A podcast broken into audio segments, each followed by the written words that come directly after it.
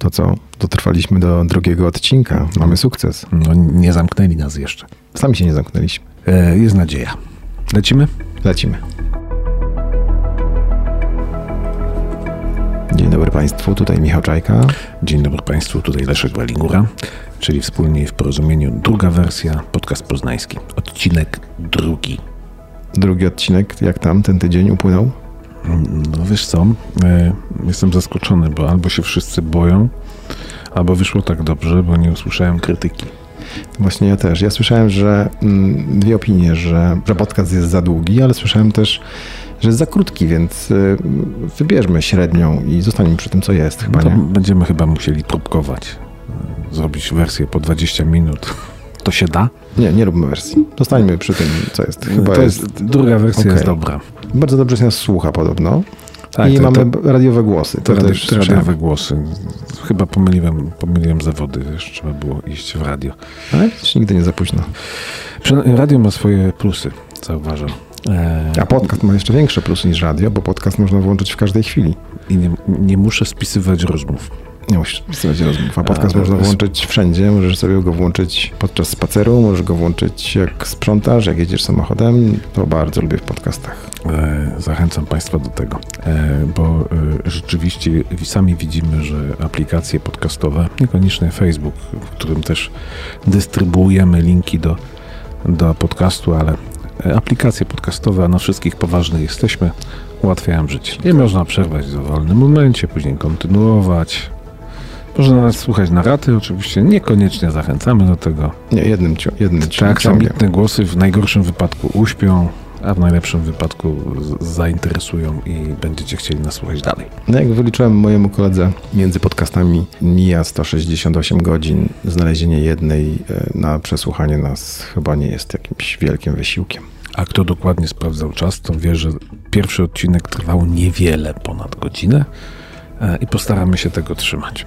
E, Chociaż e, z takim planem obiecywaliśmy, więc jeżeli się trafi gość specjalny, a na takiego za jakiś czas liczymy, to damy mu nie przepisowe 20 parę minut, tylko może całą godzinę. No, zobaczymy, jak będzie mówił. No, aha, Czy będzie chciał odpowiadać na pytania? No to będziemy go zachęcać. Tutaj się nie strzela do gości, ale, ale czasami się przerywa. No dobra. O czym dzisiaj? O czym dzisiaj? Dzisiaj będzie, no powiem, e, bardzo lewacki odcinek będzie dzisiaj. No będzie lewacki, bo zaczynamy od najbardziej chyba lewackiego atrybutu, jaki może być, czyli od roweru. Cykliści. Cykliści, czyli o tym, jak się w Poznaniu jeździ rowerem, czy można żyć bez roweru i czy rowerem zawsze można zastąpić samochód. A później będzie o gorącym ostatnio temacie, czyli o mięsie, które stało się tematem dyskusji politycznej. E, niektórzy grożą, że nie będzie można go jeść, inni, że wcale nie będą zakazywać, więc rozmawiamy z człowiekiem, który mięsa, ale nie tylko mięsa, nie je od lat i do tego samego zachęca, mało tego, a nie, nie będę wszystkiego zdradzał. Nie, Poczekajmy jeszcze chwilę. A kończyć będziemy dzisiaj bazgraniem po murach, kończyć będziemy graffiti, kończyć będziemy pytaniem, czy miejsce graffiti jest na ulicy, czy może miejsce graffiti jest w muzeum. No to przed Wami dobra godzina słuchania. Zapraszamy. Drugi odcinek drugiej wersji podcastu poznańskiego.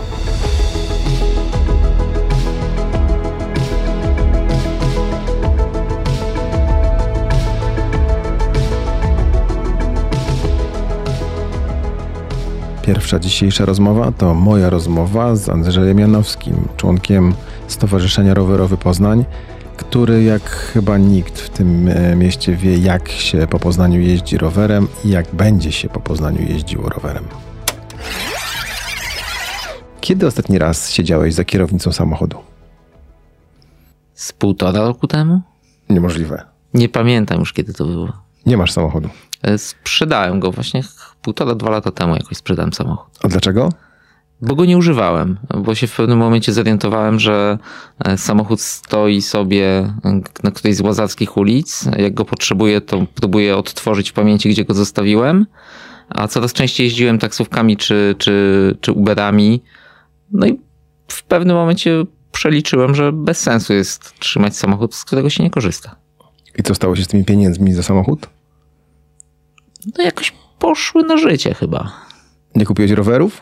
E, już miałem rowery, więc nie potrzebowałem kolejnych, więc po prostu zasiliły budżet. A jakimi rowerami jeździ? Człowiek, który jest członkiem Stowarzyszenia Rowerowe Poznań? E, ja i żona jeździmy rowerami cargo, takimi rowerami ze skrzynią z przodu e, i one w ruchu ulicznym w mieście nam zastępują w sumie samochód. A da się żyć bez samochodu w Poznaniu?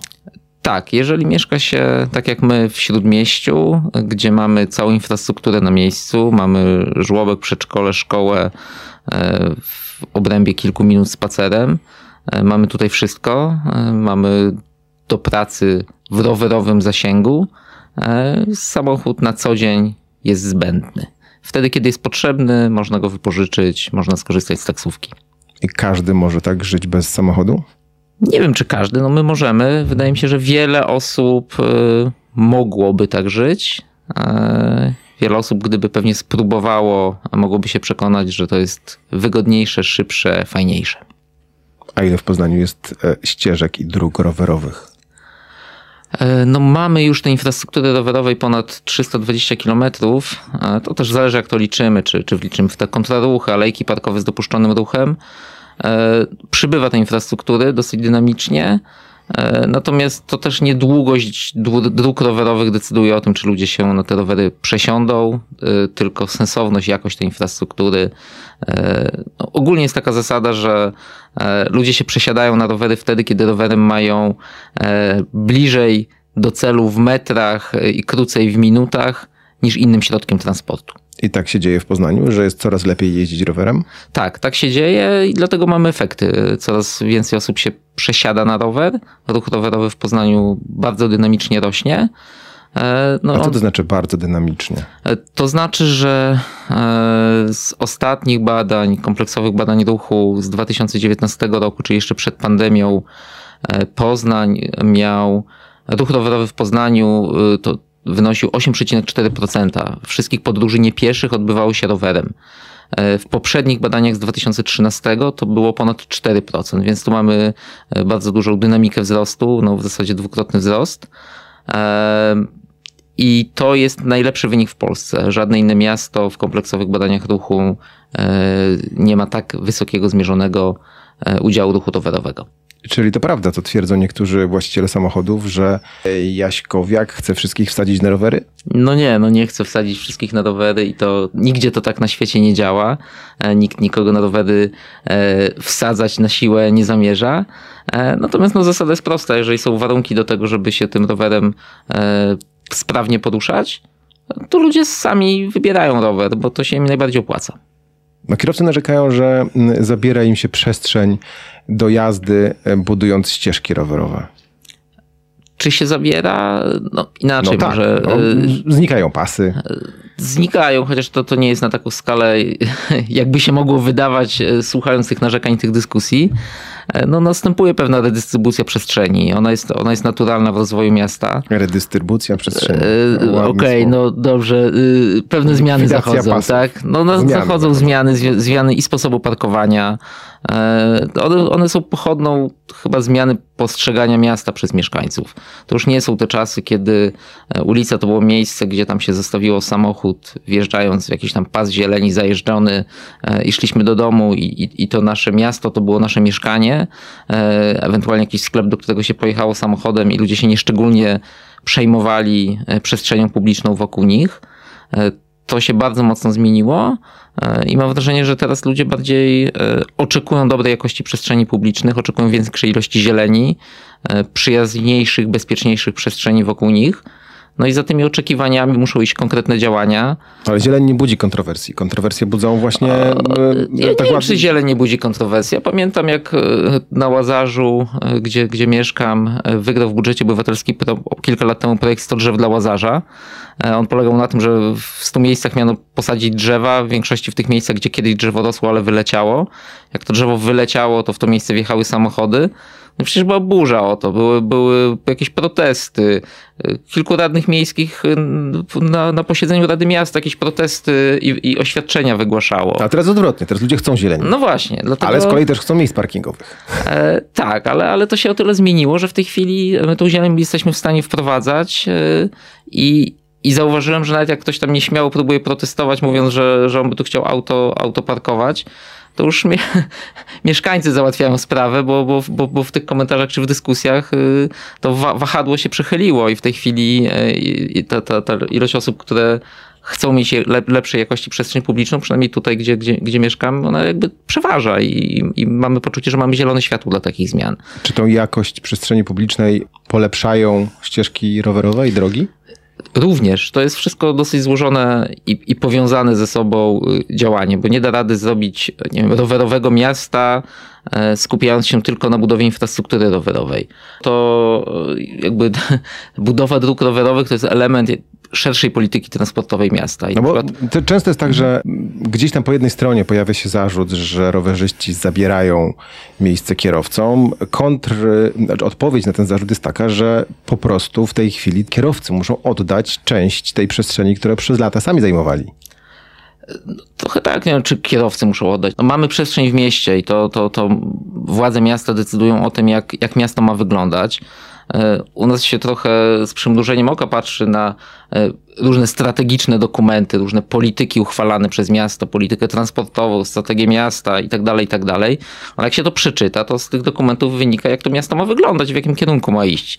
I to nie jest miasto, w którym mamy likwidować pasy zieleni pod to, żeby robić na nich kolejne parkingi. To nie jest miasto, w którym jest zapisane, że mamy wyburzać kamienice, żeby e, przez centrum miasta puszczać jakieś e, wielopasmowe arterie, tylko wręcz przeciwnie. To jest, tam jest zapisane, że ruch indywidualny, ruch samochodowy, szczególnie w centrum ma być ograniczany, ma spadać, że mamy promować ruch pieszy, rowerowy, transport publiczny, że te sposoby przemieszczania mają rosnąć. No to skoro tak się wpisuje, to za tym do tych strategicznych dokumentów i chce się je traktować poważnie, to za tym muszą iść jakieś konkretne działania. No tak, strategia jest strategią rzeczywiście i to y, plany mogą wyglądać pięknie, ale jednak y, przez cały czas gdzieś tam tli się na przeróżnych forach i w przeróżnych grupach internetowych konflikt między kierowcami a rowerzystami.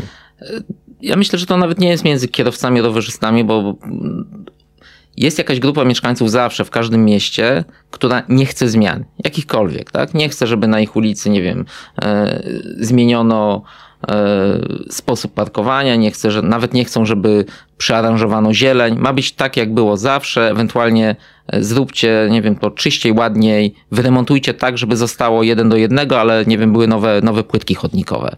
E, część ludzi nie chce zmian i to, to jest też zbadane, to jest normalne, z tym się trzeba liczyć. Czyli uważasz, że większość poznaniaków chce większej e, ilości dróg rowerowych? W mojej ocenie tak i to też wynika z, z różnych konsultacji społecznych, tych strategicznych dokumentów. E, I to jest jakby nieuchronne. To wszystkie duże miasta europejskie w tym kierunku idą, czy powinny iść. E, no i zapisują to do tych swoich strategicznych dokumentów. Więc to, że tworzymy nowe drogi rowerowe, to dla nikogo nie powinno być e, niespodzianką, bo to jest konsekwencja przyjętych założeń. Jakie są plany Poznania, bo na pewno wy jako stowarzyszenie znacie na rozwój dróg rowerowych w Poznaniu? Poznań ma o tyle dobrze, że mm, i, na, i tu, tu się wyróżnia na tle innych polskich miast e, i stąd są też te, te efekty w postaci najwyższego zmierzonego ruchu rowerowego, że ma ogarnięte dobrze te strategiczne dokumenty, jeśli chodzi o politykę e, rowerową, e, politykę transportową. Mamy taki dokument uchwalony przez Radę Miasta, on się nazywa Program Rowerowy. Na I w tym dokumencie jest, są wskazane główne trasy rowerowe, które mają największy potencjał E, no, na potrzeby tego dokumentu zmierzono to, sprawdzono, gdzie jest gęstość zaludnienia, jakie są źródła, cele podróży, zbadano, którędy e, najwięcej będzie tych przemieszczeń rowerowych. E, no i to są takie trasy radialne, czyli które promieniście do centrum z, z różnych części Poznania prowadzą. Dwie obwodnice, dwa takie ringi. I generalnie zbudowanie tego układu e, ma dać duży wzrost ruchu rowerowego. No i Poznań rzeczywiście e, ten program rowerowy realizuje. Nie tak szybko, jakbyśmy chcieli, ale go realizuje. E, no i stąd są efekty. No, na przykład główną trasą rowerową o największym potencjale wpisaną do tego dokumentu była trasa rowerowa wzdłuż ulicy Grunwaldzkiej. No i ona jest już zbudowana w większości. A co znaczy, że nie tak szybko, jakbyście chcieli? No to znaczy, że gdyby e, inaczej, ten program rowerowy e, on powinien być zakończony w 2025 roku najpóźniej. E, no wiemy, że tak się nie stanie, że, że tych odcinków niezbudowanych jest tyle, że, że dotrzymanie tego terminu nie jest realne. Gdyby udało się ten program zrealizować, no to, to, to mielibyśmy już w tej chwili większy ruch rowerowy. Czy to, co się dzieje, jeżeli chodzi o infrastrukturę, tą powiększającą się infrastrukturę rowerową, to jest, to jest strategia tylko Poznania, czy to się dzieje we wszystkich miastach?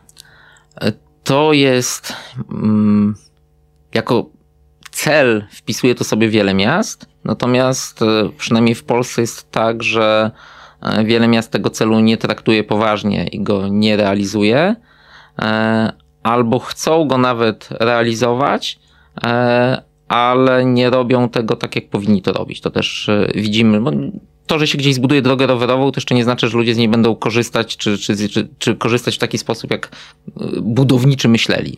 E, I, I tu właśnie wracamy do tego programu rowerowego. My to w Poznaniu mamy po prostu policzone. Wiemy, gdzie trzeba zbudować drogi rowerowe, czy stworzyć trasy rowerowe, żeby to przyniosło efekt, żeby, żeby ludzie jeździli. Żeby ludzie jeździli. To, i, I żeby to nie było budowanie dla tych, którzy już jeżdżą. Nie? Bo dróg rowerowych nie buduje się dla tych, którzy już jeżdżą. Jak ktoś jeździ, no to mu ta droga rowerowa E, no nie jest aż tak mocno w tym momencie potrzebna. Ja się buduje dla tych, którzy nie jeżdżą, a mogliby jeździć, gdyby powstała sensowna infrastruktura. Czyli I ludzie tak, nie jeżdżą dlatego, że nie mają dróg.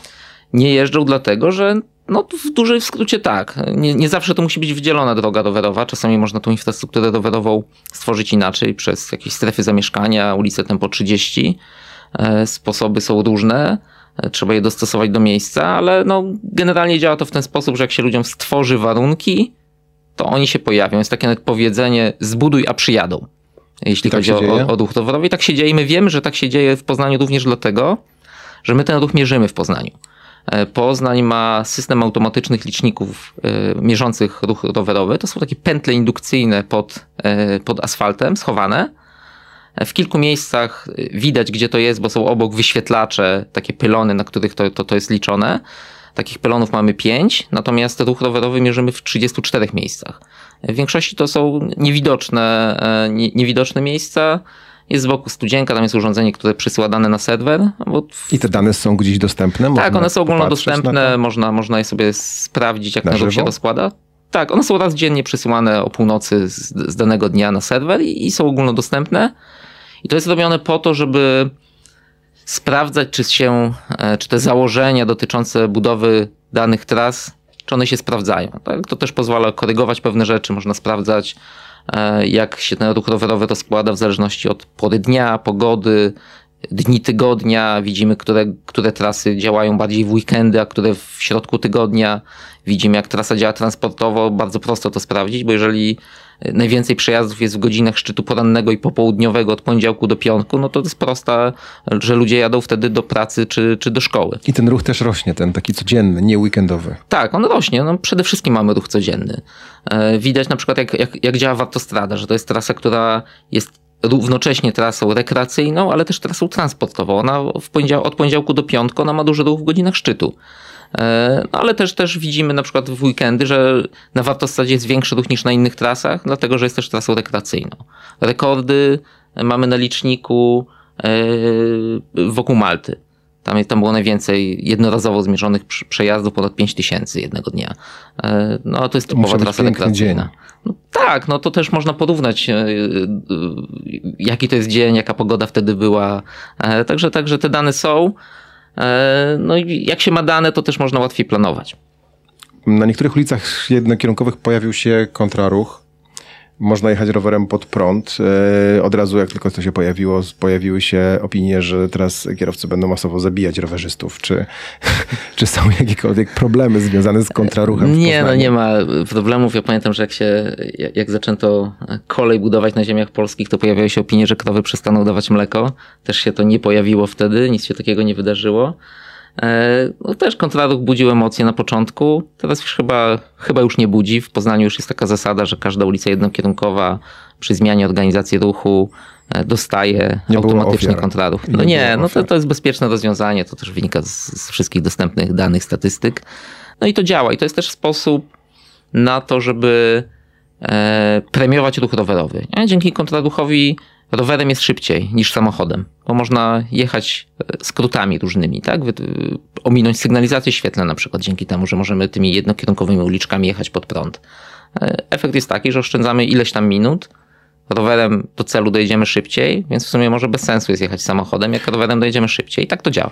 Efekt jest taki, że ja tutaj e, na Łazarzu często poruszam się rowerem i potem jak wsiadam w samochód łapię się na tym, że muszę bardzo mocno zwracać uwagę na znaki, bo chcę jechać tak jak jeździłem rowerem. No, A to nie, też się nie kiedyś, zawsze się udaje. Też się kiedyś na tym złapałem, jak e, po dłuższej przerwie wsiadłem do samochodu e, i jakoś odruchowo chciałem na, na tutaj na sąsiedniej ulicy Wyspiańskiego, gdzie są pasy rowerowe, się skierować tym autem na pas rowerowy. E, No, nawyki, nawyki. Nawyki, trzeba patrzeć na znaki. O północy 30 listopada zeszłego roku znikł z poznańskich ulic rower miejski. Czy wy zrobiliście stypę, czy otwieraliście szampany? No, ani, jedno, ani drugie, natomiast stowarzyszenie też to przeliczyło i policzyło e, i nie broniliśmy jakoś szczególnie tego poznańskiego roweru miejskiego, bo też uznaliśmy, że formuła się wyczerpała, przynajmniej w Poznaniu, że ta formuła tego poznańskiego roweru miejskiego się wyczerpała. I znowu, no dane, dane i dane. E, Jeżeli e, poznański... Co to znaczy, że formuła się wyczerpała? To znaczy, że e, rower miejski w Polsce, on był w wielu mia- miastach, e, szczególnie w Warszawie to było widoczne, czymś dobrym na rozruch ruchu rowerowego. Mamy miasto, które nie jest rowerowe. Czyli żeby przyzwyczaić nas wszystkich do tego, żeby Dokładnie tak. E, Zachęcić tych, którzy jakieś tam opory mieli, żeby na to wsiąść, e, do tego, żeby spróbowali, żeby te- ten ruch rowerowy się trochę rozkręcił w danym mieście. To też jak się postawiło na, na jak miasto stawiało na rozwój e, ty- tych rowerów publicznych, e, współdzielonych, to po jakimś czasie e, ruch rósł trochę chociaż. Było widać na ulicach tych rowerzystów, łatwiej było zabiegać o infrastrukturę rowerową.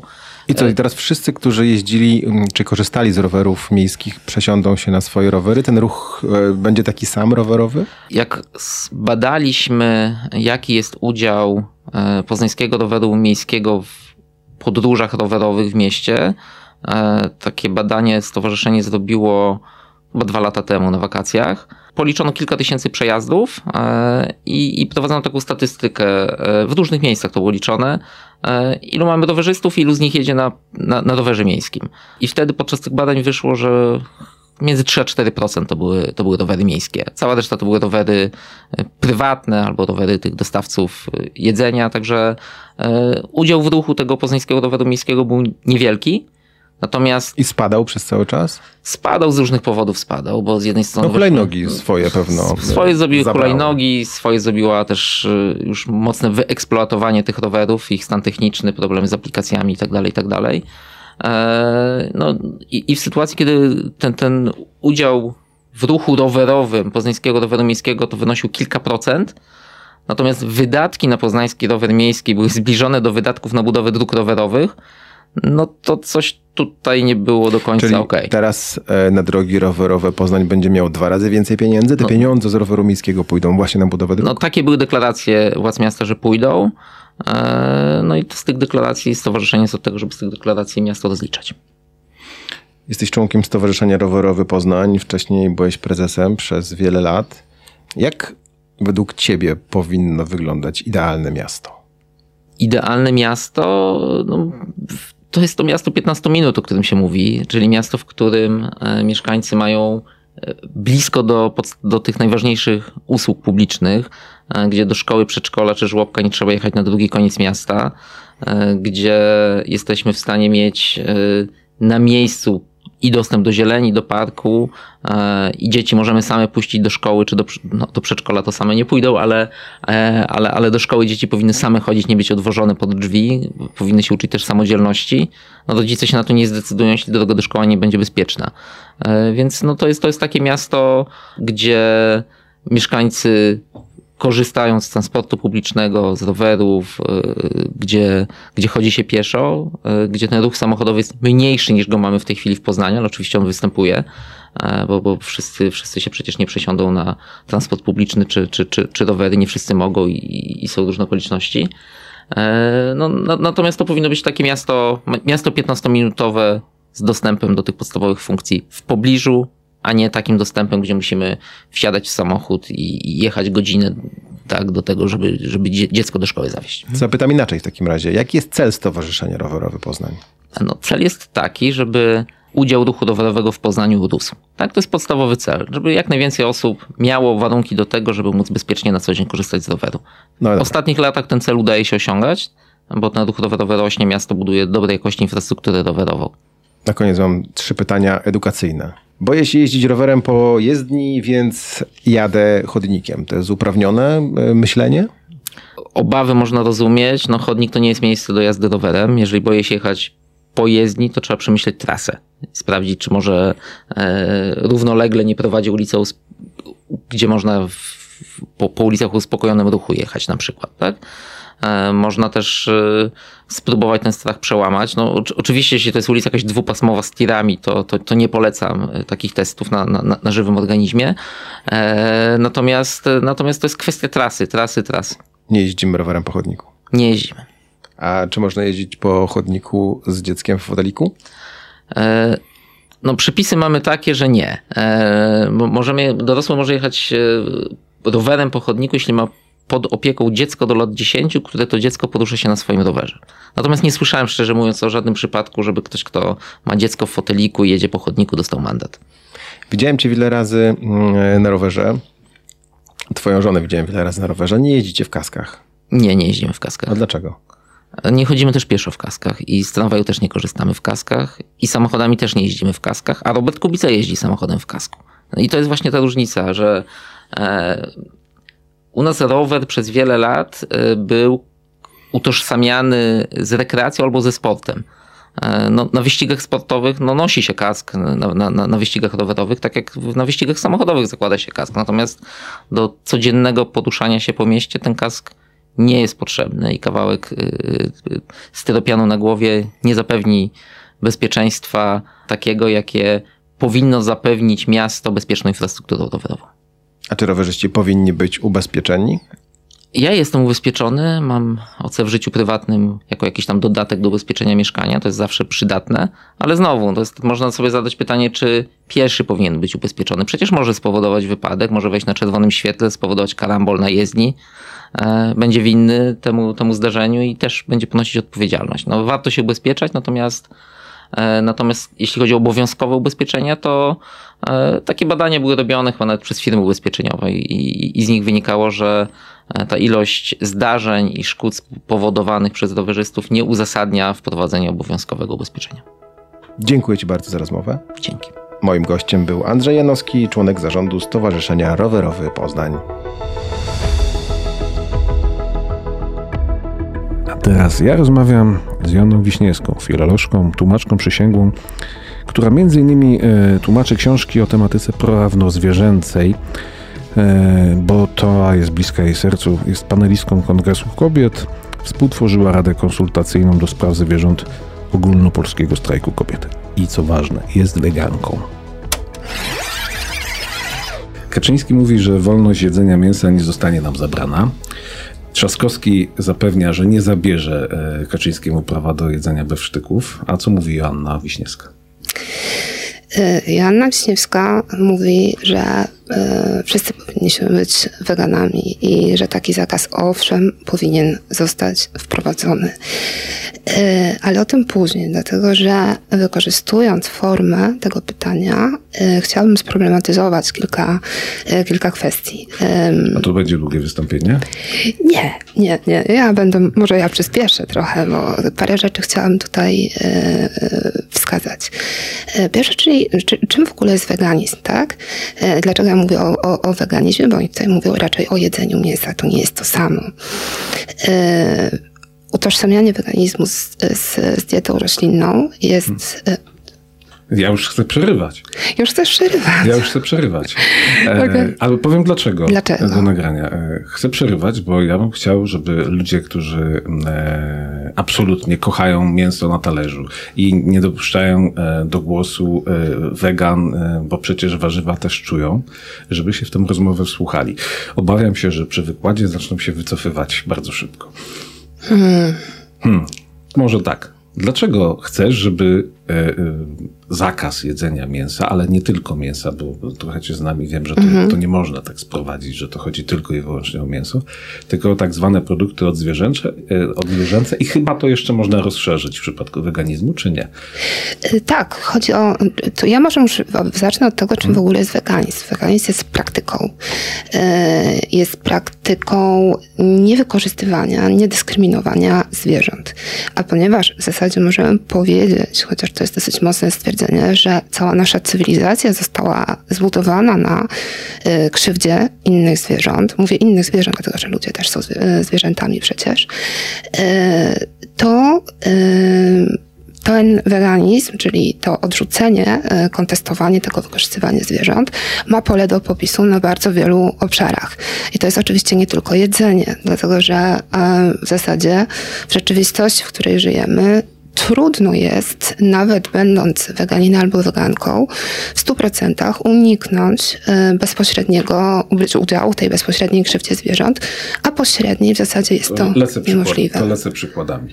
E, rezygnuję z jedzenia mięsa, rezygnuję z jedzenia, z picia mleka, z jedzenia serów, nie jem jajek, e, ze zdziwieniem dowiedziałem się, że jedząc miód, który lubię, okazuje się, że jak krzywdzę zwierzęta. Ale nawet jak z tego wszystkiego zrezygnuję, to mam na przykład samochód, a w nim skórę, e, kierownicę obszytą skórą. No tak, to, to rzeczywiście, no skóry, używanie skór zwierząt, e, no jest zalecenie niewegańskie, ale ja mówiłam bardziej o takich, e, o takich zupełnie nieoczywistych przykładach. Na przykład nawet do uprawy roślin używa się nawozów pochodzenia zwierzęcego. Nawet przy uprawie roślin giną zwierzęta. Tyle tylko, że jeżeli jeżeli będziemy w ten sposób traktować weganizm, no to okaże się on zupełnie niemożliwy. Dlatego zgodnie z jego klasyczną definicją yy, jest on mm, praktyką właśnie niewykorzystywania zwierząt tak dalece jak to możliwe. E, tak dalece jak to możliwe, tylko że weganizm jest realistyczny. To jest, to jest e, idea, która bardzo, w sposób bardzo trzeźwy e, ocenia sytuację, rozpoznaje ogromną krzywdę ogromnej ilości istot i ją w jakiś sposób próbuje kontestować, czyli bojkotuje pewne produkty, pewne usługi, pewne zachowania, bo możemy też kupować zachowania zwierząt, prawda? Na przykład wyścigi konne, tak? To one też się wiążą z krzywdą krzywdą zwierząt. E, weganie nie chodzą. I tu jest różnica między weganizmem a dietą roślinną bo o diecie roślinnej możemy mówić w kontekście na przykład ekologii albo e, zdrowia ludzi. E, natomiast weganizm jest czymś innym. Weganizm jest skoncentrowany na zwierzętach. Czy powodem, dla którego my, my, mówię tu szeroko, społeczeństwo, tak? bo ten, ten zarzut podnoszą politycy w tym sporze, który zdaje się, że może być częścią kampanii wyborczej. I oni są sprzeciwni naruszeniu naszego stylu życia, tak można wręcz powiedzieć, mm. naszego, czyli większości. Ale ten sprzeciw wegan, który są, którzy są mniejszością, wynika z powodów ekonomicznych, ekologicznych czy etycznych etycznych. Etycznych, e, tak jak mówiłam, dlatego zdefiniowałam weganizm, dlatego powiedziałam, że on jest, e, że on jest kontestacją krzywdy zwierząt. Ale nawet tutaj się nie mogą ludzie zgodzić, bo dla niektórych to nie jest krzywda zwierząt. Mówią wręcz, że kochamy zwierzęta, kocham swoje pies, swoje psy, koty, rybki, co tam kto ma, chomika, tak, ale jednocześnie no nie widzą w tym, że jedzą mięso krzywdy widać, nie dość dokładnie się przyglądali. No trudno mówić o tym, żeby odebranie komuś życia, komuś, kto chce żyć, nie było krzywdą dla tej istoty. E, trudno mówić o tym, żeby odebranie wolności nie było krzywdą. Zwierzęta są krzywdzone na bardzo wiele sposobów. Jest niezliczona ilość sposobów krzywdzenia zwierząt.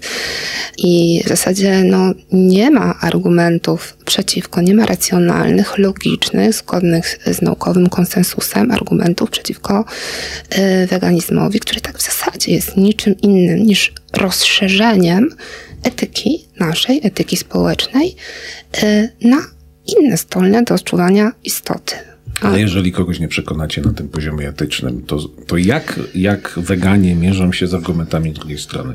No przecież druga strona mówi, no przecież ludzie od zawsze jedli mięso. Tak, druga strona. Albo ja tak nie mogę mówiłam, żyć bez e, Tak, no po jednej stronie, po jednej stronie, no to rzeczywiście po jednej stronie mamy inercję, mamy upodobanie, mamy mamy przyzwyczajenie, mamy jakieś uwarunkowania kulturowe, a po drugiej stronie mam ogromne, ogromne cierpienie ogromnej ilości istot, które jednocześnie powoduje wiele negatywnych skutków. E, jak na przykład e, właśnie zmiana klimatyczna, to jest, to jest też duży jest w niej udział e, tak zwanej produkcji zwierzęcej. Mówię tak zwanej, bo zwierzęta nie są produktami, prawda? To znaczy my z nich zrobiliśmy produkty. Powodują związane z tym wylesianie, powodują, są jedną, hodowla zwierząt jest jedną z przyczyn głodu na świecie. Powodują już w tej chwili Światowa Organizacja Zdrowia jasno mówi i kładzie czerwone mięso e, w tym samym miejscu, gdzie kładzie tytoń, tak? Mówi o szkodliwości produktów odzwierzęcych e, co potwierdzają, e, co potwierdzają liczne badania. Także można się wtedy, można wtedy podpierać się tymi argumentami, że to nie tylko, jeżeli kogoś nie stać na to, etycznie nie stać na to, żeby, żeby nie krzywdzić, tak, w imię własnego kaprysu, no to, y, no to wówczas y, można wyciągnąć z rękawa argumenty związane z ekologią albo ze zdrowiem ludzi. A druga strona może zawsze wyciągnąć argumenty związane z ekonomią. Bo y, bardzo często nie powiem, że tego go, to gołym okiem widać, ale widać, że produkty wegańskie są wręcz droższe. Dlaczego tak się dzieje? Dzieje się tak dlatego, bo to jest absurdalna sytuacja, żeby produkty roślinne były droższe od produktów odzwierzęcych. Dzieje się tak dlatego, że produkcja odzwierzęca jest bardzo silnie dotowana, zarówno na poziomie e, krajowym, jak i na przykład Unii Europejskiej. E, czyli hodowcy otrzymują olbrzymie dotacje, takie, na takie wsparcie nie mogą liczyć producenci żywności roślinnej. Także jest to, jest to jedna, jedna z przyczyn takiej, takiej sytuacji. Tak być nie powinno, tak w żadnym razie być nie powinno. Ale rzeczywiście to jest argument drugiej strony, że kogoś może być nie stać na produkty, które powiedzmy są substytutami produktów odzwierzęcych, czyli to y, wegańskie mięso, wegańskie jogurty, produkty są rzeczywiście droższe.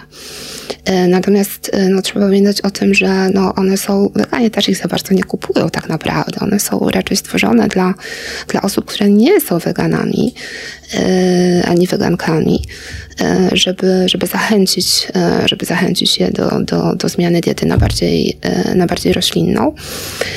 W zasadzie no, my jemy mnóstwo produktów, które są, ludzie jedzą mnóstwo produktów, które są wegańskie, czyli a są nieprzetworzone, tak? bo teraz mówimy o produktach przetworzonych. A przecież mamy całe bogactwo zbóż, nasion, e, roślin strączkowych, warzyw, owoców. To są wszystko I tutaj produkty. przybywa fan mięsa i mówi, ale musicie suplementować dietę, bo B12, tak? Mhm, tak, B12. Różnica jest taka, jeżeli chodzi o, o sposób suplementowania B12 między osobami, które e, są weganami czy wegankami, a osobami, które nie są, że weganie suplementują bezpośrednio, natomiast e, nieweganie otrzymują w produktach odzwierzętych, dlatego, że jest ta witamina suplementowana zwierzętom, których później uzyskuje się mleko albo zabija się, żeby zjeść ich e, ciała. E, I taka jest różnica. Także ta witamina, witamina jest zawsze suplementowana. Tylko pytanie komu i na jakim etapie konsumpcji. Łatwo w Poznaniu być weganinem? Tak. Tak. No to mnie zaskoczyło, bo myślałem, że powiesz trudno. Nie produkty y, wegańskie w podróży są łatwiejsze, łatwe do, do, łatwo dostępne? Nie mam problemów. Nie mam problemów. Przez pandemię, pandemii podróżowałam dużo mniej. E, znaczy w ogóle nie podróżowałam, ale kiedyś podróżowałam e, naprawdę dużo i nie wydaje mi się to trudne. No dobra, ale muszę za, o to zapytać, no. bo ty masz psy. Tak. I te psy są weganami. Oczywiście. Nie, one nie są weganami w oparciu o tą definicję, którą ja podawałam weganizm. One są na diecie roślinnej, bo weganizm jest ideologiczną jakąś, e, jakąś decyzją, podobnie jak nieweganizm jest również ideologiczną decyzją. Jeżeli ktoś uważa, że można krzywdzić zwierzęta, no to jest to poparte jakimś zespołem przekonań, jakąś ideologią, prawda? Ona ma swoją nazwę, to jest karnizm. No dobra. To teraz ktoś powie, że zmuszasz zwierzęta do e, zachowywania się wbrew ich naturze.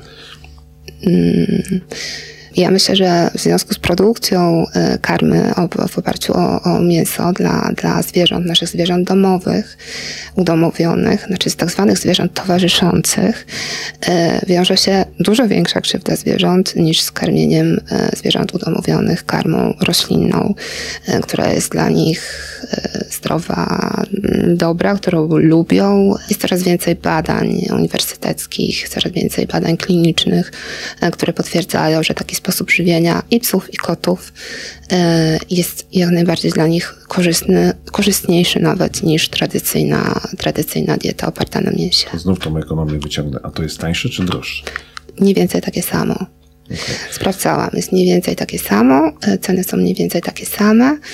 Jest spory wybór tych karm e, wegańskich, wegetariańskich jeszcze większy, dla psów, dla kotów mniejszy i mają one ceny takie same, podobne jak dobre karmy y, oparte na składnikach odzwierzęcych.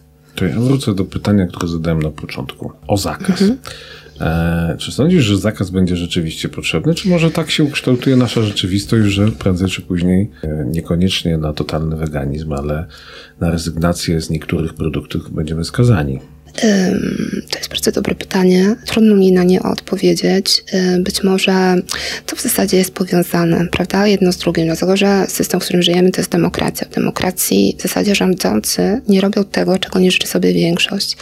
Więc z jednej strony musi być ta zmiana społeczna, ona musi, e, musi nastąpić, żeby mogła również e, nastąpić e, zmiana polityczna. Oczywiście państwo i organy, jego organy, instytucje dysponują wieloma wieloma narzędziami, żeby te zmiany przyspieszać. I tutaj mamy do czynienia z tematem jakiejś mm, pewnej politycznej odwagi, e, żeby mimo jakiegoś, e, mimo jakiegoś e, sprzeciwu znacznej części społeczeństwa takie zmiany wprowadzać, które jednak ten proces mogłyby znacznie, znacznie przyspieszyć. To byłoby na przykład zabranie właśnie dotacji produkcji, produkcji zwierzęcej i przeznaczenie tych dotacji na produkcję roślinną. To by zmieniło proporcje E, e, to by zmieniło stosunek cen jednych produktów do drugich na korzyść roślinnych. Chociażby, prawda? To są też szeroko zakrojone działania edukacyjne, czyli mają narzędzia, żeby, e, żeby wpływać na tą zmianę na poziomie społecznym, czyli a później raczej... już przy jakiejś konkretnej masie krytycznej tych osób, które będą chciały takiego zakazu, żeby takie zakazy wprowadzać. Bo dzisiaj zakaz chyba oznaczałby, że w protestach przeciwko niemu połączyłyby się dwa skłócone polskie plemiona i widzę już protestujących wspólnie i w porozumieniu i wyborców Platformy i wyborców e, Zjednoczonej Prawicy. Pewnie tak. Pewnie, Pewnie tak. niestety tak. Jest to szowinizm gatunkowy, jest czymś, co, co, co łączy ponad podziałami politycznymi innego rodzaju. Ciężko tego słuchać człowiekowi, który jednak weganinem nie jest. E, to może praktycznie. Jak zostać weganinem? Bo e, rzucanie, rzucanie to, to, mhm. to, trochę jak rzucanie nałogu, tak? E, papierosy to rzucić chyba łatwiej jest mimo wszystko. Jak zostać weganinem? O, w praktyce. Od czego zacząć? Hmm. Znaczy dobrze jest mieć, e, dobrze jest mieć wiedzę, bo jednak to e, temat odżywiania jest taki najbardziej, e, najbardziej codzienny. Nie? No, z tym się wykojarzy w pierwszej kolejności, bo jednak łatwiej jest e, kupić kurtkę, która nie będzie wypełniona pierzem, niż e, codziennie wymyślić jakiś e, obiad. Jest mnóstwo, naprawdę mnóstwo blogów, stron z przepisami e, wegańskimi. Internet jest nieskończonym źródłem wiedzy dobrej jakości e, na temat odżywiania, żeby nie popełnić, e, żeby nie popełnić błędów, żeby rzeczywiście nie doprowadzić do niedoborów, które podkreślam są możliwe na dokładnie każdej diecie. I weganie raczej, raczej są grupą, którzy, który, e, która ma je dość rzadko, dlatego że właśnie mają tą świadomość. Ludzie, się... Rzadko kiedy ludzie zresztą swoją dietę skrupulatnie Rzadko kiedy, rzadko kiedy, to jest prawda. E, także na pewno to no dobrze by było trochę poczytać na ten temat. I wiem, że wiele zależy od motywacji, tak? Bo jeżeli kiedy mówisz weganizm, to jest, ja znowu wrócę do definicji, o której mówiłam, e, czyli no, to, jest, to jest coś, czego się nie robi dla siebie to jest coś, czego się nie robi dla siebie, to jest coś, mm, co się robi ze względu na innych, nie? To jest e, po prostu, no, rozpoznajesz swoich e, e, krzywdę i w jakiś sposób to, co można pokojowo robić, to jest ją zbojkotować. Na tyle, na ile to możliwe. Państwo nie wiedzą, ale e, ja widzę przed moją rozmówczynią kartkę, w której sobie wypisała wszystkie tematy, które chciała w tej rozmowie poruszyć. Ilu tematów nie pozwoliłem ci poruszyć? A nie wiem. Myślę, że kilku. Myślę, że kilku. No to może jeszcze do tej rozmowy wrócimy. Możemy wrócić, jeżeli będzie, będą takie chęci. E, no to proszę Państwa, tu stawiamy w takim razie kropkę e, i mam wrażenie, że będziemy wracać do rozmowy, bo chociażby w kampanii wyborczej, myślę, nie tylko w kampanii wyborczej, powrócą tematy żywieniowe. O, na przykład o robakach będzie można porozmawiać, ale nie tylko. O tym, jak się opiekować e, zwierzętami w Polsce, e, jak to wygląda. Myślę, że za jakiś czas ponownie będziemy gościć e, Joannę Wiśniewską w studiu. Dziękuję za rozmowę. Dziękuję bardzo. Na koniec wracamy do tematu, który rozpoczęliśmy w zeszłym tygodniu rozmową z Tomaszem Hejną o tym, jak wygląda i jak mogłoby wyglądać nasze miasto. Kuba Szada-Bożyszkowski rozmawia z Pawłem Kwiatkowskim, PR-owcem, rzecznikiem prasowym, a ostatnio autorem książek, w tym tej o polskim graffiti. Dla jednych bezmyślny wandalizm, dla innych sztuka. Więc czy miejsce graffiti jest w galerii, czy na ulicy? No na pewno na ulicy, ale ostatnio też zaczyna wchodzić do galerii, a z kolei e, z ulic jest też wypychana na pustostany, więc jest to przez cały czas taki proces. Może wyjaśnię jest wypychana przez to, że to ładnie wygląda. W związku z tym pojawili się albo inwestorzy, albo urzędnicy miejscy i mówią: Słuchajcie, zróbcie nam tu piękną ścianę, my wam zapłacimy, ale musimy wam powiedzieć, że to wolno, a tego nie wolno. I wtedy street art czy graffiti ucieka tam, dokąd jeszcze może, czyli właśnie na pustostany albo w jakieś takie nowe, e, nowe miejscówki. A, a jest też taki proces, że, że street art wchodzi do galerii i, i artyści street artowi się pokazują w galeriach. Ja mam do tego zawsze takie bardzo jakieś. E, no mam, to wzbudza moje mieszane uczucia, tak trochę jakbym chodził do skansenu, że, że na przykład na małym jakimś terenie jest sześć drewnianych kościółków. No one nie wyglądają zbyt autentycznie w takim miejscu.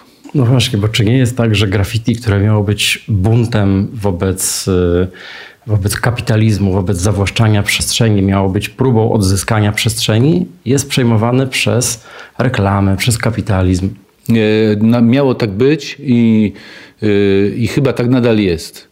Y, tylko, że z biegiem lat y, graffiti wypączkowało. Street art to już jest trochę, trochę coś innego. To jest tak jakby jakaś dziedzina sztuki i ta dziedzina sztuki też się charakteryzuje tym, że tych street artów mamy po prostu mnóstwo. Więc co artysta to jakiś inny koncept i inny nurt wypowiedzi. Więc tych wypowiedzi antysystemowych jest dużo. Bo jeśli ja rozmawiam z Egonem Fitkę i on mi mówi, że zrobił no powiedzmy mural na dachu E, skłotu Odzysk w Poznaniu, no to ja wiem, że to jest właśnie ten nurt taki powiedzmy bliżej tego pierwotnego. Albo jeżeli wiem, że mm, Czarnobyl e, na przykład maluje swoje ściany w zaskłotowanych e, też kamienicach, notabene berlińskich, to też coś mi to, to mówi. Natomiast no jest bardzo wielu artystów, którzy ograniczają się do udziału w festiwalach, wygrywają granty, przyjmują briefy i na podstawie tych briefów gdzieś tam piszą, no to oni się w coś też innego chyba bawią. Natomiast y, nie wiem, czy dzisiaj można powiedzieć, że street art albo graffiti nadal jest taką siłą antykapitalistyczną. Y, prędzej można by powiedzieć, że ten nurt, o którym przed chwilą mówiliśmy, że on jest taki antysystemowy, ale czy on jest antykapitalistyczny, nie wiem. Co ciekawego się dzieje w Poznaniu? W Poznaniu nie dzieje się za dużo. W Poznaniu nie dzieje się za dużo. Poznań jest takim miastem, które um, lubi też zaprosić artystów, żeby zrobili coś ładnego, prawda? Coś za pieniądze i według briefu e, i żeby to było pod kontrolą. I pojawia się, pojawiają się fajne rzeczy. Na Jeżycach na przykład kilka takich fajnych murali się pojawiło ale dużo takich niezależnych rzeczy ja nie widzę. Dzieje się w galeriach, yy, przyjeżdżają tutaj czasami yy, ludzie, żeby, żeby coś tam razem zbombić, ale nie ma tego zbyt wiele. Myślę, że nadal yy, prym pierwszeństwa, czy, czy też pierwszeństwo tutaj, jeśli chodzi o scenę street artową, to jest gdzieś w Łodzi, w Warszawie, w Trójmieście, gdzieś w tamte rejony. Pewnie nawet Trójmiasto dzisiaj bym powiedział, że jest number one. Czy Poznaniakom przeszkadza graffiti? Bo mamy na przykład kawu, który jest lubiany i rozpoznawalny, jest kolorowy. On troszeczkę sprawia, że nasze miasto jest coraz bardziej przyjazne. I to jest chyba takie graffiti, które może być zaakceptowane przez mieszkańców. A wszystko, co jest bardziej rewolucyjne, antysystemowe lub antyestetyczne, już nie mieści się w tym, co jest akceptowane społecznie. A ja myślę, że tak nie jest.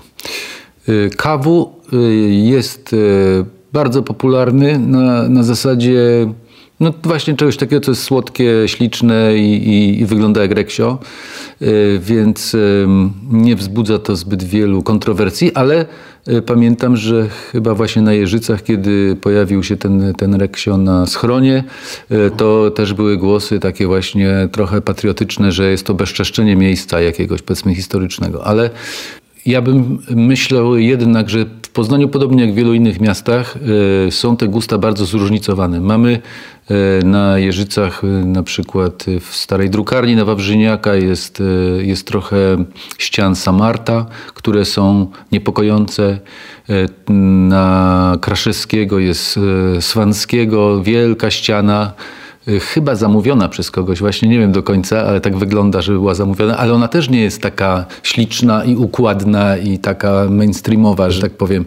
Więc jest przestrzeń w Poznaniu na to, żeby y, tutaj istniał zarówno bardzo progresywny i buntowniczy street art, jak taki ugrzeczniony.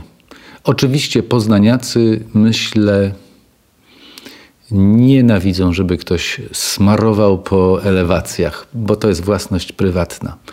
I ja sam zawsze mam taki problem, kiedy mam sobie odpowiedzieć na pytanie, czy to jest ok, żeby no bo tak, bo jeżeli Banksy namaluje coś na mojej kamienicy, świeżo wyremontowanej, to ja będę zacierał łapki z radości, bo to tylko podnosi wartość kamienicy. Ale jeżeli jakiś smarkacz namaluje coś sprayem, no to ja się wściekam, bo ja muszę wydać kupę pieniędzy, żeby to wszystko odnowić. I ja też się gdzieś tam e, borykam z tym, że do końca nie wiem, jak to jest z tym. E, I w sumie to jest najpiękniejsze chyba właśnie w street arcie, że nie musimy sobie odpowiadać na pytanie, czy to jest ok, czy to nie jest ok. To po prostu jest. E, jeżeli to oddziałuje na nas w jakiś sposób, nawet jeżeli nas czasami rozwściecza albo niepokoi, to to też robi swoją robotę. E, żeby było śmieszniej, najwięcej graffiti powstaje nie na kamienicach, tylko na pociągach. Nadal, tylko tyle, że PKP się nauczyła szybko reagować i praktycznie taki pociąg jest momentalnie posprzątany, więc tego nie widzimy. A to też by, pewnie by ludzi denerwowało. Ja nie widzę pociągów za dużo, żeby jeździły z czymś pomalowanym, tak jak w Niemczech, czy w ogóle, czy w Stanach, czy, czy we Francji. Pewne prawa w Polsce się nie przyjęły, na przykład prawo pracy, a pewne prawa się przyjęły aż za dobrze, jak prawo własności. Bo to jest nasze najświętsze prawo. Więc może to jest też znowu walka o przestrzeń wspólną, o odzyskanie miasta. A powiedz, co Ciebie bardziej irytuje czy nielegalna reklama, czy brzydki tekst na ścianie? Mnie bardziej e, irytuje nie tylko nielegalna reklama, ale w ogóle reklama. Y, coraz y, częściej mam wrażenie, że ta reklama, nawet z punktu widzenia firmy, która ją tam umieszcza, ona nie jest efektywna, ona nie przynosi pożądanego skutku, nie zwiększa sprzedaży, czy tam nie wpływa na wizerunek jakiejś marki. Natomiast ona należy do takiego rutynowego działania y, i niestety bardzo wiele firm ma taką tendencję do tego, żeby zawłaszczać tą naszą przestrzeń, bo oczywiście fragment powierzchni jakiegoś billboardu czy ściany wynajęta przez firmę, wynajęty przez firmę, no to, e, to jest coś, do czego teoretycznie ta firma ma prawo. Ale to, że jednocześnie oprócz tej powierzchni ona zajmuje fragment świadomości czy krajobrazu, to to już jest coś, co znacznie wykracza.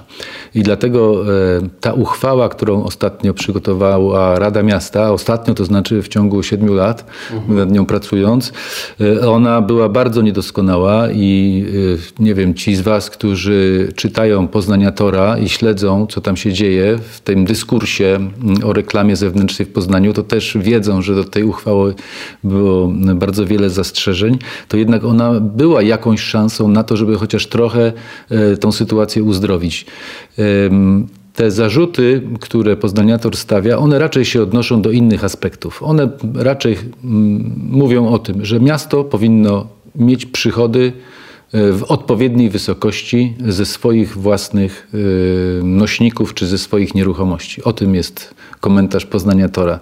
My teraz mówimy o czym innym. Mówimy o tym, że firmy z pozoru płacą za jakąś powierzchnię, ale tak naprawdę nie płacą za zajmowanie olbrzymiej połaci naszej świadomości i tego krajobrazu, który jest de facto oszpecony, bo, bo, bo reklamy są wszechobecne, włażą e, tam, gdzie mogą być i gdzie nie mogą być.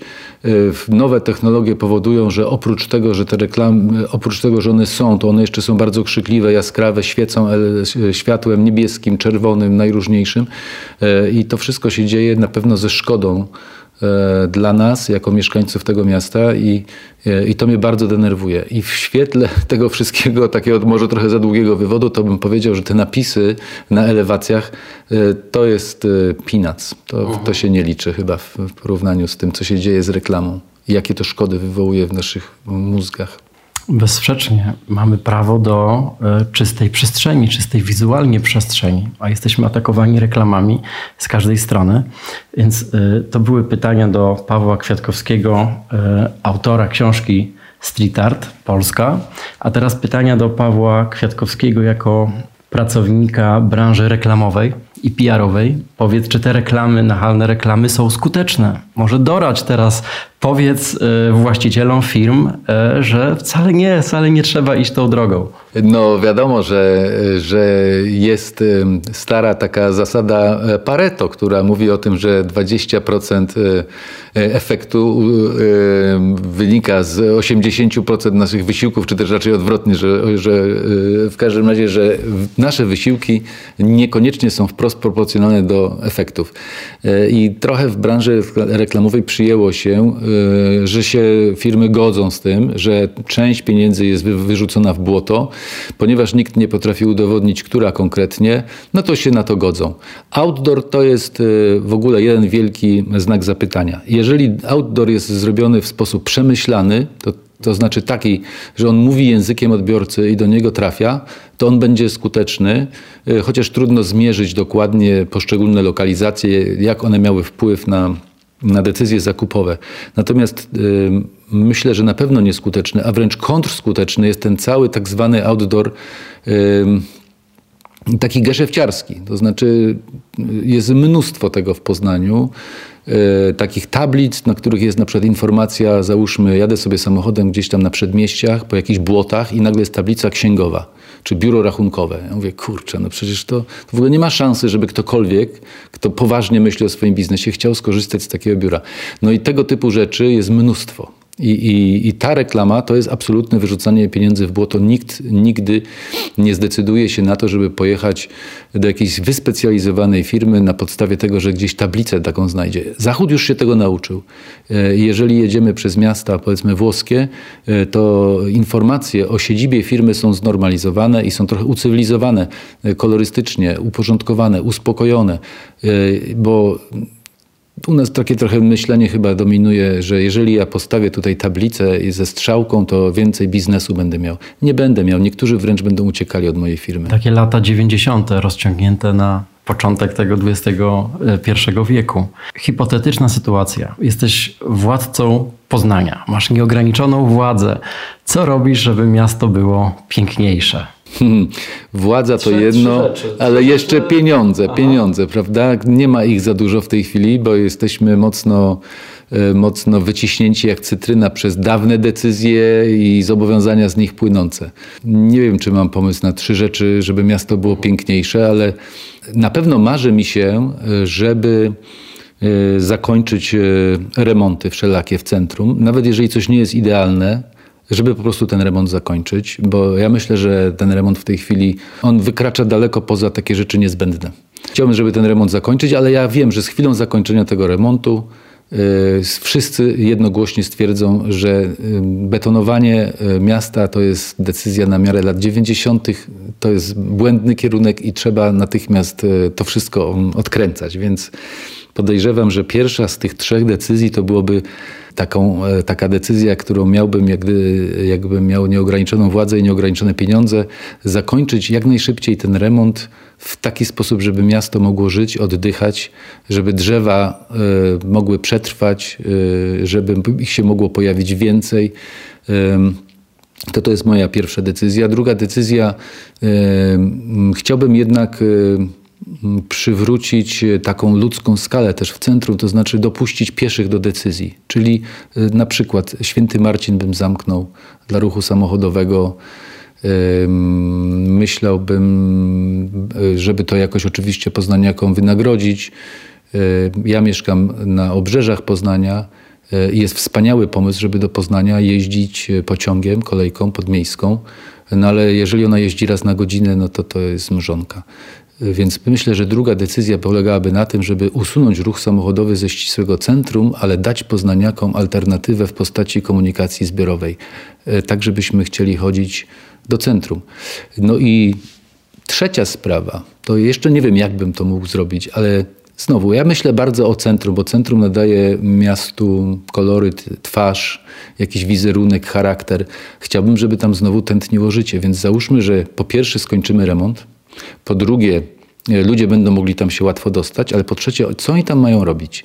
I tutaj myślę, że przydałby się jakiś program kształtowania, aktywnego kształtowania E, tej struktury, powiedzmy, handlowo-usługowej w centrum. E, być może miasto dzisiaj, z tego co się orientuję, a może, może jestem w błędzie, ale zdaje się, że utrzymanie pustostanów kosztuje nas więcej niż mamy przychodów z wynajęcia niektórych lokali miejskich. Ja bym wolał sobie powiedzieć wprost, być może nie ma sensu liczyć, że to będzie dochodowe w taki tradycyjny sposób, to znaczy, że musi pieniądze muszą być z wynajmu. Być może, że, że to może służyć y, właśnie temu, żeby to centrum rewitalizować w ten sposób, czyli kształtować w jakiś sposób, kto tam ma być. Ja bym chciał, żeby było więcej galerii, chciałbym, żeby, żeby było więcej y, studyjnych kin, żeby tak jak Kociak teraz powrócił i wszyscy się tym strasznie y, jaramy, chciałbym, żeby było więcej więcej takich małych knajpeczek, które niekoniecznie muszą być od razu pięciogwiazdkowe i bardzo drogie, ale tak, żeby student mógł sobie spokojnie na luziku tam pójść, więc myślałbym no, o tych... Obawiam o takich... się, że w obecnych czasach przy kosztach prądu, kosztach pracy i gazu utrzymanie takiego miejsca w centrum jest niestety bardzo kosztowne i czasy tanich usług, tanich knajp e, w centrum, czy w ogóle w mieście się już skończyły. Ale masz, masz rację, bezsprzecznie trzeba przywrócić e, centrum do życia.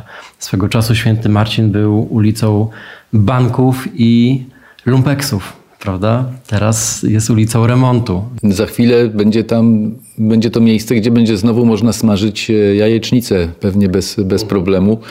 E, ale wiele miast zachodnich miało podobne dylematy. Rotterdam na przykład i jednak wbrew protestom czy jakimś głosom e, sprzeciwu potrafiły się zazielenić w centrum, bo czasami architekci mówią, słuchajcie, jak możecie domagać się, żeby plac kolegiacki był zielony? To jest plac. Jego funkcja architektoniczna, urbanistyczna od e, czegoś takiego jak plac od stuleci przewiduje utwardzoną powierzchnię. E, I to jest racja, ale też chciałem powiedzieć, że dzisiaj mamy bezprecedensowe czasy, kiedy pustynniejemy gwałtownie. Jeżeli sobie obejrzymy zdjęcia na przykład Loary, z poprzedniego lata, to zobaczymy piasek. W Warszawie przez Wisłę można by przejechać samochodem minionego lata, bo było chyba 30 centymetrów wody. Za chwilę będziemy mieć to samo tutaj w Poznaniu. Nie będzie po prostu wody. Zamienimy się w mega gorącą e, pustynię miejską, betonową i wtedy wszyscy powiedzą, cholercia z tymi placami, no może tak było do tej pory, teraz są inne czasy. Idą inne czasy, zupełnie inne czasy i musimy trochę zadbać o to, żeby ludziom się żyło w tym mieście lepiej. To znaczy, żeby mniej marnować, żeby bardziej liczyć pieniądze. E, być może nie zawsze musimy sobie e, zafundować najnowszy jakiś e, rodzaj nawierzchni i koniecznie wymieniać kostkę brukową, bo wiele osób specjalnie do Włoch jeździ, żeby pochodzić po, po krzywym bruku, a my chcemy tutaj zrobić jakieś jakieś e, nie wiem co, coś bardzo ładnego zapewne i drogiego, e, tylko być może te pieniądze można by skierować właśnie na to, żeby się lepiej przygotować do ciężkich czasów, które nadchodzą, czyli czasów takich, kiedy raz na jakiś czas tylko woda spada z nieba i z tego co widzę, to się właściwie ustawiamy pod taki system, że ta woda natychmiast spłynie z miasta, że ona natychmiast zniknie. Nie mamy y, systemu jej zatrzymywania. Te zbiorniki retencyjne, o których słyszę na Starym Rynku, też są bardzo malutkie. Nie jestem fachowcem, nie znam się, na pewno mądrzejsi ode mnie y, je projektowali, ale też jacyś fachowcy krytykują, więc y, nie do końca wiem, jak jest ale jak widzę, że jest bardzo dużo betonu, to jakiś wewnętrzny głos we, wewnątrz mnie gdzieś tam, on się burzy i mówi, chłopie, tutaj będzie za chwilę za gorąco i za sucho i tu się nie da żyć. Nie znasz się pewnie na melioracji, ale znasz się na graffiti. Powiedz poznaniakom, osobom, które nas słuchają, o takich ukrytych perełkach, na co w mieście warto zwrócić uwagę przechodząc. Wszyscy znamy mural na Śródce, on, on rozsławił, bardzo wypromował Śródkę. Jeden z takich murali, o których wspomniałem, na terenie, dawniej tam był zakład, wcześniej była drukarnia na Wawrzyniaka. Jest tam piękny e, mural Samarta, taki zdefragmentowany pies z diamencikiem. Jest to coś, co mm, jakby się nagle objawia w sposób taki niespodziewany, tego nie wiemy. Bardzo fajne murale można też zobaczyć. Jeżeli ktoś będzie miał szansę wejść do Starej Rzeźni, rzadko się taka szansa zdarza, są to murale, które, tam jest kilka fajnych murali, które były malowane y, na zasadzie całkowicie nielegalnych akcji y, i właśnie one pokazują taki nowy trend czyli właśnie ucieczkę murala z tkanki stricte miejskiej do tkanki postindustrialnej. E, myślę, że należy bardzo też uważnie tropić plakaty. Plakaty, które się pojawiają tu i ówdzie, jeżeli mm, się dobrze przypatrzymy, zaczniemy je trochę rozpoznawać i się okaże, że przez Poznań raz na jakiś czas przejeżdżają wielcy e, twórcy street artu i zostawiają po sobie ślady. Mm, I to jest coś, co jest dla nas bardzo chyba charakterystyczne. No, y, mamy w Poznaniu też kilku twórców, bardzo y, w sumie w tym środowisku powiedzmy szanowanych, uznawanych. Ja też bardzo lubię ich twórczość. To jest właśnie wspomniany Samart, to jest Kobayashi. E, no, ty mówiłeś też o KW, Noriaki. E, ich twórczość jest bardzo charakterystyczna i na pewno można, e, Dumin, można ją znaleźć. Jeżeli mm, chcieli, chcielibyście drodzy słuchacze, umieć rozpoznawać ten styl i tą kreskę, no to, to, to jest tylko chwila, moment, prawda, analizy. Na Instagramie oni wszyscy są, są też w książce przynajmniej część z nich e, i można nauczyć się jakby chodzić po mieście i rozpoznawać. Ja się trochę zrobiłem męczący dla mojej rodziny, bo jak jesteśmy w jakimś mieście, to ja właśnie mówię, o zobaczcie, a tutaj jest jeden artysta, tutaj drugi, a patrzcie tutaj, tutaj musiał być Szyman, czy ktoś taki, więc, więc jest to bardzo fajny, fajny sport dla mnie w tej chwili rozpoznawanie tych ludzi i polecam wam jako fajną zabawę na weekend, żeby poszukać śladów konkretnych artystów, który, którzy którzy tak. bywają w Poznaniu. Będąc we Wrocławiu można szukać krasnali, można szukać stworków w grze na telefonie, a więc w Poznaniu szukajmy graffiti. Paweł, bardzo dziękuję za rozmowę. E, zainteresowanych odsyłam do mm, Twojej książki Street Art Polska. Dziękuję. Dziękuję. Do miłego zobaczenia gdzieś na ulicy pewnie.